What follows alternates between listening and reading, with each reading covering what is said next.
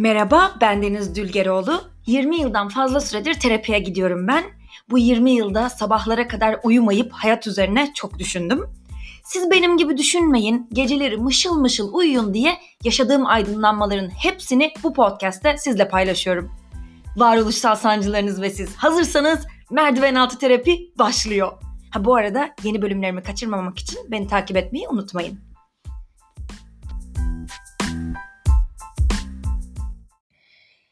Hello, Merdiven Altı Terapi'nin 74. bölümüne hoş geldiniz. Nasılsınız? Umarım iyisinizdir. İyi değilseniz de şimdi podcast'i dinler, unutursunuz kafanızdakileri. Ben e, mumlarımı yaktım. Yanıma bir tane şekerli gazoz aldım. Gerçi çok iyi bir fikir değil. gazoz, soda falan gibi şeyler içmek kayıt sırasında geğirmeye sebep olabilir ama kendime güveniyorum. E, bu bölüm için çok heyecanlıyım. Çok uzun zamandır hissetmediğim bir heyecanı hissediyorum. Yani bölüm yapmam lazım gibi bir şeyle hazırlamadım. Bölüm böyle bir içimde oluştu ve çok hızlı bir şekilde oluştu ve doğum sancısı gibi böyle kendi kasıntılarını yapmaya başladı dışarı çıkmak için. Terapiden çıkıp e, Nişantaşı'ndan Taksim'e gelen o yolu böyle koşar adım e, neredeyse ayaklarım yere değmeden abartmıyorum. Yani uçarak geldim. Ve hemen eve gelir gelmez e, hazırlıklarımı yaptım ve kayıt için bilgisayarın başına oturdum. Yani her şey o kadar bu bölümde doğal akacak ki onu hissediyorum ki hiç lafı uzatmadan hemen konuya girmek istiyorum. Yakın zamanda terapide e, şeyden bahsettim ben. Bir köpek sahiplendim. Yani bunu böyle sesli söyleyince çok garip oldu ama evet bir köpek sahiplendim ve ismi Cici. E, Cici Hadid gibi. Onun cicisi. Yani Türkçedeki cici ama ne cici olan değil. Neyse. E, Cici'den bahsederken terapide daha önceden de bir başka bir köpeğim olmuştu ben üniversitedeyken. ismi e, Waffle'dı. Bir Beagle'dı kendisi. Jack Russell şimdiki Cici. E, çok yakınlar birbirlerine. Cici'yi nasıl sahiplendiğimi daha sonra anlatırım. Buranın konusu değil. Neyse. Waffle'dan e, bahsetmeye başladım. Çünkü Cici'de yaşadığım bazı şeyler bana Waffle'ı hatırlatıyor. Ve Waffle'la ilgili e, bazı vicdan azaplarım vardı. Ona yeterince iyi bakamadığımı düşünüyordum. Çünkü o zamanlar yaşım küçüktü ve böyle şeyleri bir bahane olarak kabul etmiyorum yani hani genç anne olmayı seçtiysen bir şekilde dünyaya getirmeyi bu senin sorumluluğunda. Başka bir canlıyı dünyaya getiriyorsan ya da bir köpek de olabilir bu onu sahipleniyorsan artık bütün sorumluluk senin. O yüzden yaptığım hatalarla ilgili kendimi uzun zaman affedemedim. Ve gördüğüm bir kabus vardı. Bir gece böyle kanter içerisinde uyandım Rüyamda şöyle oluyor. Bir tarla var ve tarlanın içinde waffle'ı görüyorum ve onu sevmek için yaklaşıyorum. Onu sevmek için yaklaştığımda bir tane daha waffle çıkıyor ve bir anda iki oluyorlar. Ondan sonra hangisi diye düşünürken üç oluyor, dört oluyor ve sayısı gitgide böyle onun üstüne çıkıyor. Ve ben böyle hangisi gerçek waffle diye düşünürken böyle bir dış ses gibi, ilahi bir dış ses gibi bir ses yükseliyor. Eğer beni gerçekten sevdiysen hangimizin gerçek olduğunu hangimizin gerçekten ben olduğunu anlarsın diyor.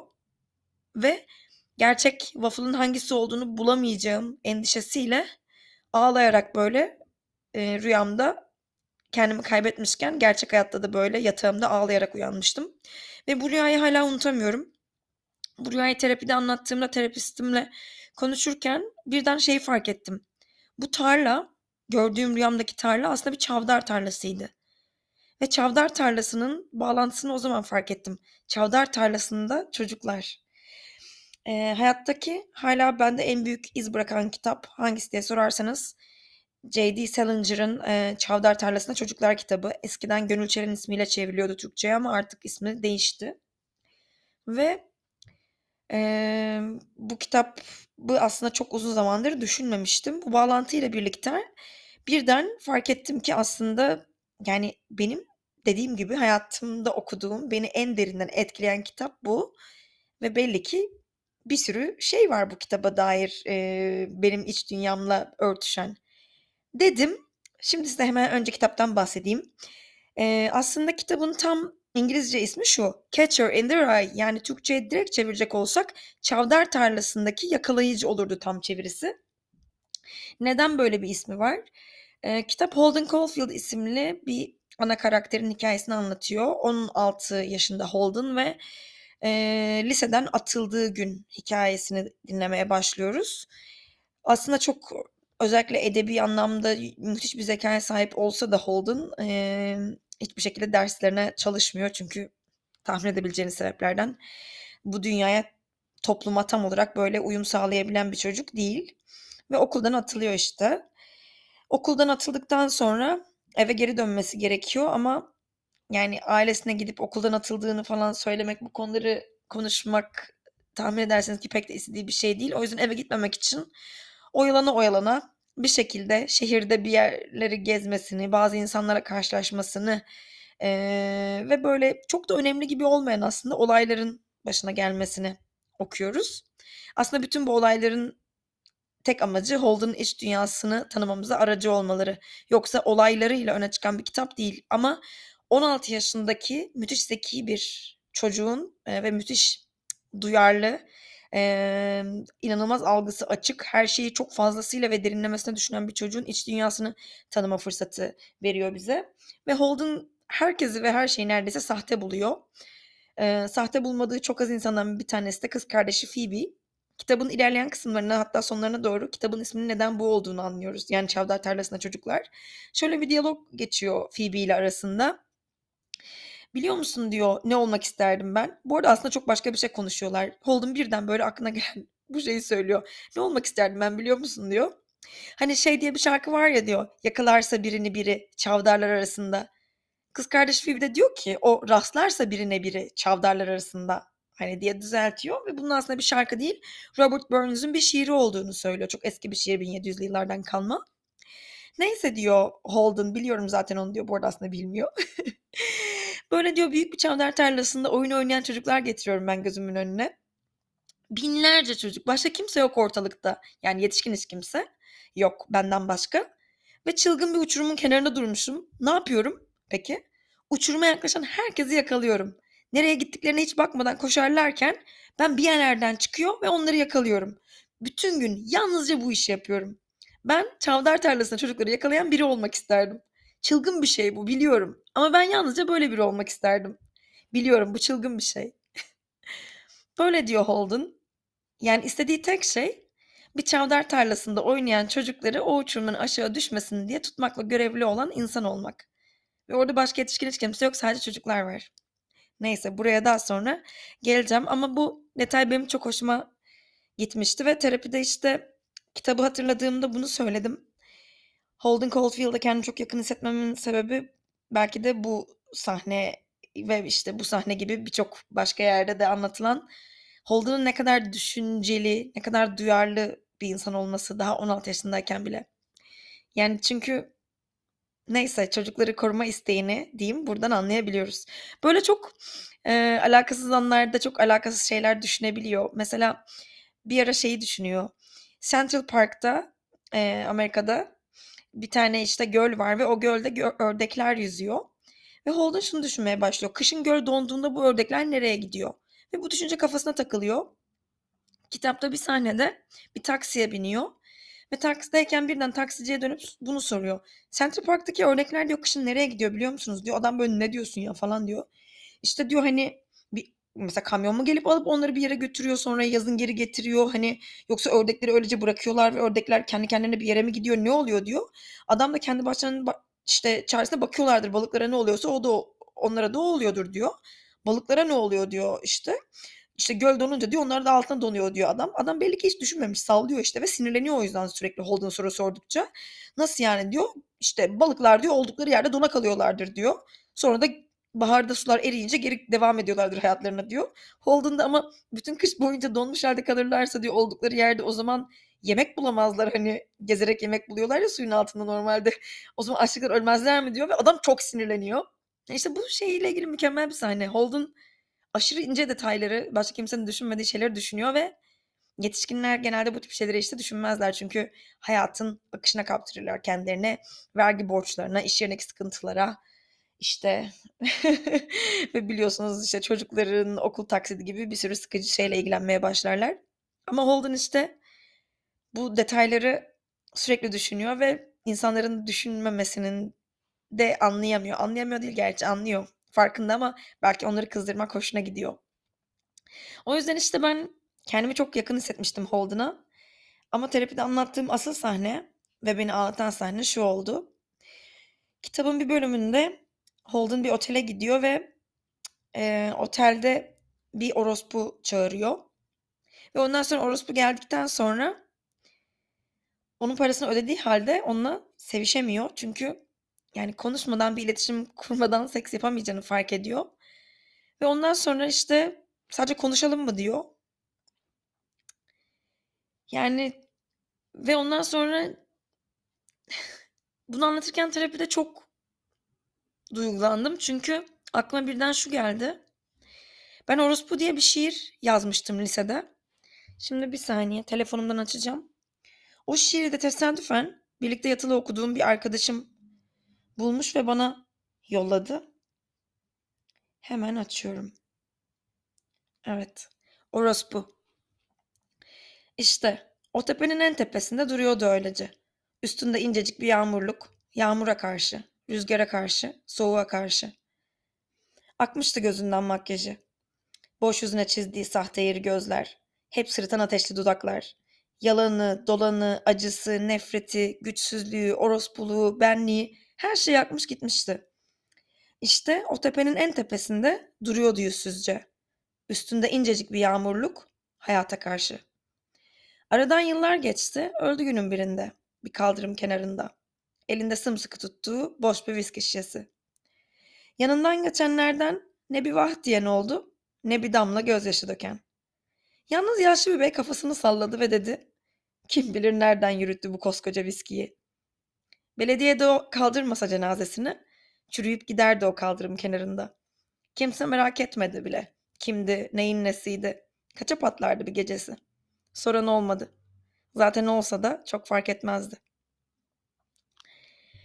Bu şiiri e, yazdığımda 2001 senesi. Yani ben 15 yaşındayım. Kitabı okuduğum seneyle aynı sene oluyor. Ve Holden Caulfield da kitapta 16 yaşında. Ve demin size anlattığım sahnede Holden Caulfield bir orospu çağırıyor ve onunla tanışmadan seks yapamayacağını anlayınca sadece konuşsak olur mu diyor. Fark ettim ki bu orospu aslında benim. Kendimi hayal etmişim. Ve ne kadar istermişim aslında birinin bana sadece konuşsak olur mu demesini. Ve sonra terapide düşündüm ki aslında 15 yaşındaki Deniz olarak 16 yaşındaki Holden'la bir orospu olarak buluşmayı ve o sahneyi yaşamayı o kadar çok isterdim ki. Onunla sabaha kadar konuşurduk ve yani bu kadar. Bu kadarı beni çok mutlu ederdi. Ve bu e, fark edişten sonra o yaşlarımı daha çok hatırlamak istedim. Çünkü benim beynim her şeyi siliyor. Eski terapistim bunu şöyle açıklamıştı. E, beyin travmaları silmek istediğinde tabii ki cımbız cımbız böyle tek tek silemiyor ayrıntıları. Çünkü o zaman beyninde anlamsız e, olay parçacıkları kalıyor. O yüzden bloklar haline çıkarıyor. O yüzden travmalarda böyle yılların içerisinde serpiştirildikçe onu sil bunu sil falan derken bloklar çıka çıka çıka çıka bütün geçmişin siliniyor. O yüzden terapiye gidiyorum ama hani yakın zamandaki travmalarımı anlatabiliyorum. Ama ortaokul, lise yıllarına dair mesela hiçbir şey yok. Tek bir anıyı geçtim. Tek bir fotoğraf sahnesi bile göremiyorum. Gözümün önüne getiremiyorum. Yani çok garip. Sanki ben yaşamamışım o yıllarda. Ben uzaydaymışım da başka birisi benim yerime yaşamış gibi. O yüzden dedim ki ben de ben bu kitabı okumaya başlayayım. Yeni baştan. Ve 15 yaşındaki e, kopyası bende hala duruyor. Altını bayağı 15 yaşındaki çizdiğim haliyle. Yeniden okumaya başladım. Ve daha ilk sayfadan neden bu kitabı bu kadar çok sevdiğimi tekrar hatırladım. İlk sayfada şey diyor işte. Annem babamla ilgili bir şeyler anlatmayacağım çünkü ikisi de onlarla ilgili kişisel bir şey anlatırsam anında iç kanamadan hastaneye kaldırılırlar. İkisi de çok alınganlar bu konularda diyor. Büyük olay yaparlar. Özellikle babam diyor. Evet aynen benim ailem gibi. Her şeyi yaparken çok iyi ama hakkında konuşmaya gelince ayılıp bayılıyoruz. Çünkü her şeyi halının altına doğru süpürmeliyiz. Hepimiz peygamberiz ve birbirimizden böyle bahsetmeliyiz.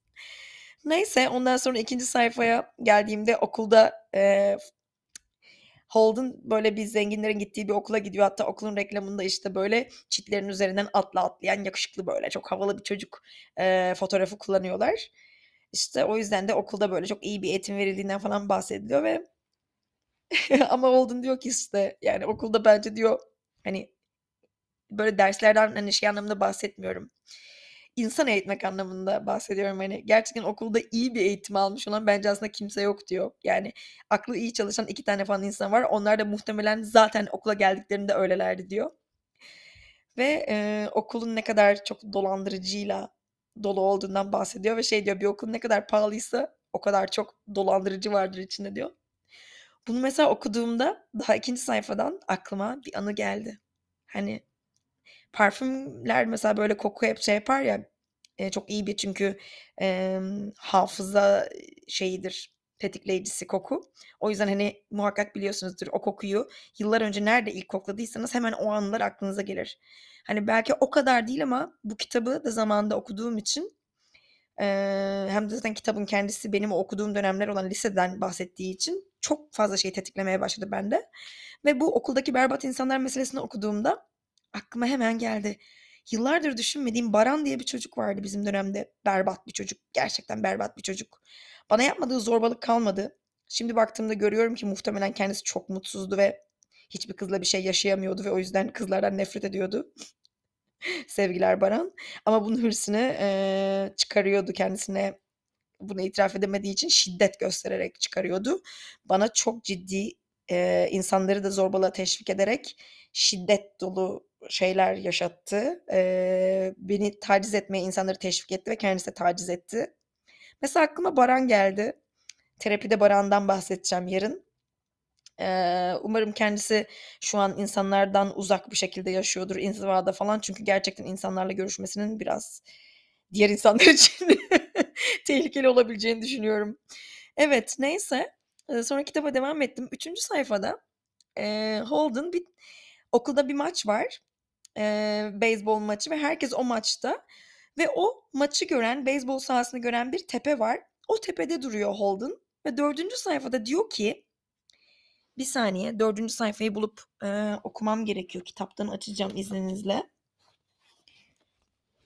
İngilizce ama bunu hemen çevireceğim. E, Aralık ayıydı diyor diyor ve hava çok soğuktu. Ve özellikle o tepenin üzerinde çok soğuktu. Üstüme sadece bir yağmurluk vardı ve eldivenim falan da yoktu. Çünkü okuldan biri e, paltomu cebinde eldivenlerle birlikte çalmıştı diyor. Tanıdık geldi mi? Şimdi tekrar şiirin orasını açacağım. Evet. İşte o tepenin en tepesinde duruyordu öylece. Üstünde incecik bir yağmurluk. İşte yağmura karşı, rüzgara karşı, soğuğa karşı, en sonunda hayata karşı demişim. İnanılmaz değil mi? Farkında olmadan Holden Caulfield'ın bu sahnesini alıp kendi şiirime koymuşum. Bir tepenin kenarında üstünde incecik bir yağmurlukla donarak duruyor. İşte her şey birbirine bağlandı bunu okuyunca. Çünkü yani bilinç dışı böyle bir şey. Hani sana açıkça bak sen Holden'ı çok sevdin. Holden gibi olmak, onunla yan yana durmak istiyorsun diyemiyor. Çünkü o zavallılığını hatırlatıyor insana. O yüzden kendisini alıp onun olduğu sahneye aynen onun gibi koyuyor. Hani paralel evrenlerde de yaşıyor olsak kafamdaki o e, hayali tepede Holden'ın da olduğu, benim orospumun da olduğu yerde yan yana getirmişim ikisini. Orospu benim, Holden, Holden. İkimiz de incecik yağmurluklarla hayata karşı o tepede yan yana duruyoruz. Ve orada fark ettim uçurumun anlamını. Uçurum e, diğer insanlardan uzaktasın. Holden o beyzbol maçını görüyor ya uzaktan. Onların hepsinin ne yaptığını anlayabilecek bir yerde. Onlara yukarıdan bakıyor belki biraz evet. Ama onlara yaklaşamıyor çünkü çok uzakta. Dışlanmış, toplumun içine giremeyeceği bir yerde. Ve bu onu acı çektiriyor, üşüyor. Ve en kötüsü de onlara yaklaşmasının tek yolu bu uçurumdan düşmek.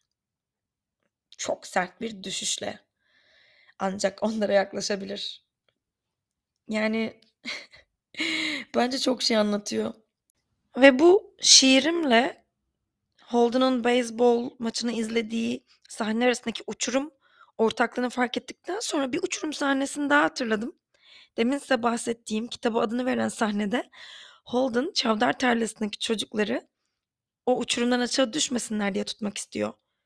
Yani aslında e, Holden'ın şöyle bir olayı var. Bir sürü insana phony diyor. Türkçe'ye böyle sahte, yapay gibi çevirebiliriz. Hani böyle hep sanki çok mutluymuş gibi, çok havalıymış gibi hep böyle bir numara yapan, artık kendi içindeki kendisiyle bile bağlarını koparmış. Sadece insanlara gösterdiği o vitrin için yaşayanlar var ya, işte o insanları bilirsiniz. Onlardan nefret ediyor Holden ve insanların yetişkinlere dönüştükçe böyle sahte olduklarını düşünüyor.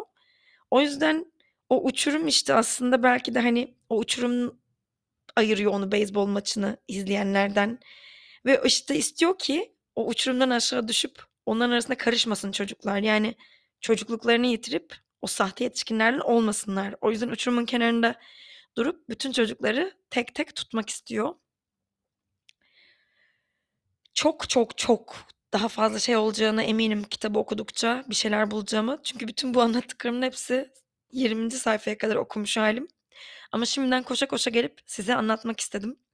Çünkü terapide bütün bunların hepsini böyle müthiş bir coşkuyla e, terapistime anlattım ve ondan sonra tam içimden gelip bir bölüm yapsam diye düşünürken terapistim bana aynısını söyledi.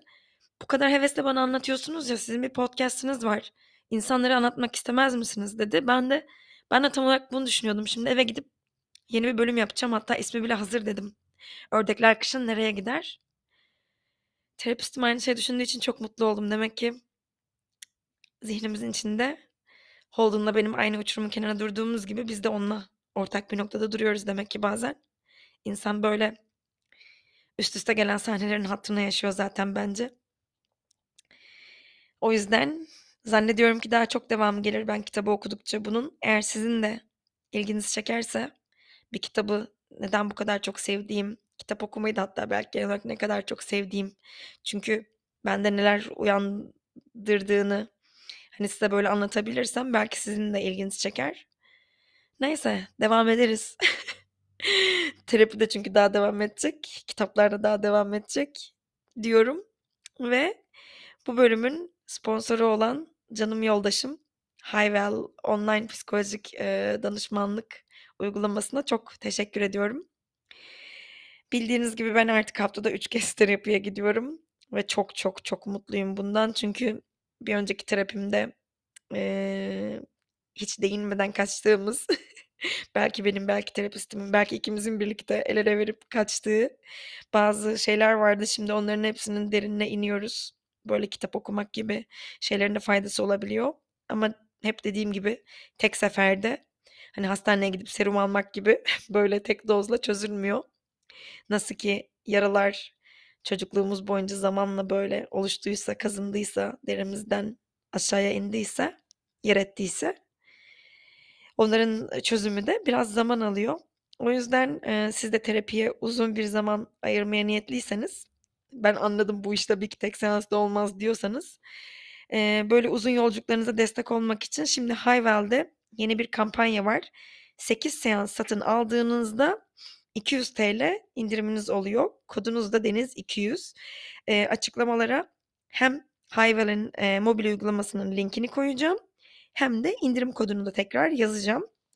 Dediğim gibi 8 seans satın aldığınızda ki zaten iyi bir terapi için bence birden fazla 8 seans satın alıyor olmanız lazım. Ama en azından 8 de bir şeydir diyorum. Ve bu bölümün de yavaş yavaş sonuna geliyorum. Bölüm sonu şarkısı olarak Türkçe bir şarkı değil bu sefer İngilizce. Çünkü biraz önce bahsettiğim bölümün girişinde daha doğrusu bahsettiğim Holden'ın aslında şiir olan ama onun şarkı olarak hatırladığı o şiiri gerçekten de 1920'li yıllarda bir kadın çok güzel söylemiş. Bir opera sanatçısı. Ve o şarkıyı buldum. Çok eski bir kayıt olduğu için ve zaten bende yarattığı hisler de çok derin olduğu için ben dinlerken tüylerim diken diken oldu. Ama böyle acıdan korkudan değil de çok özlediğim birine sarıldığındaki gibi hani gözlerin dolar ama güzel bir gözde olmasıdır o.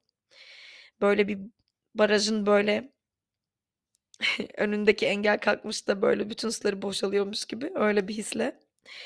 O yüzden bu şarkıyı seçtim bölüm sonu için. Umarım siz de seversiniz. Bir sonraki bölümde görüşmek üzere. Güle güle.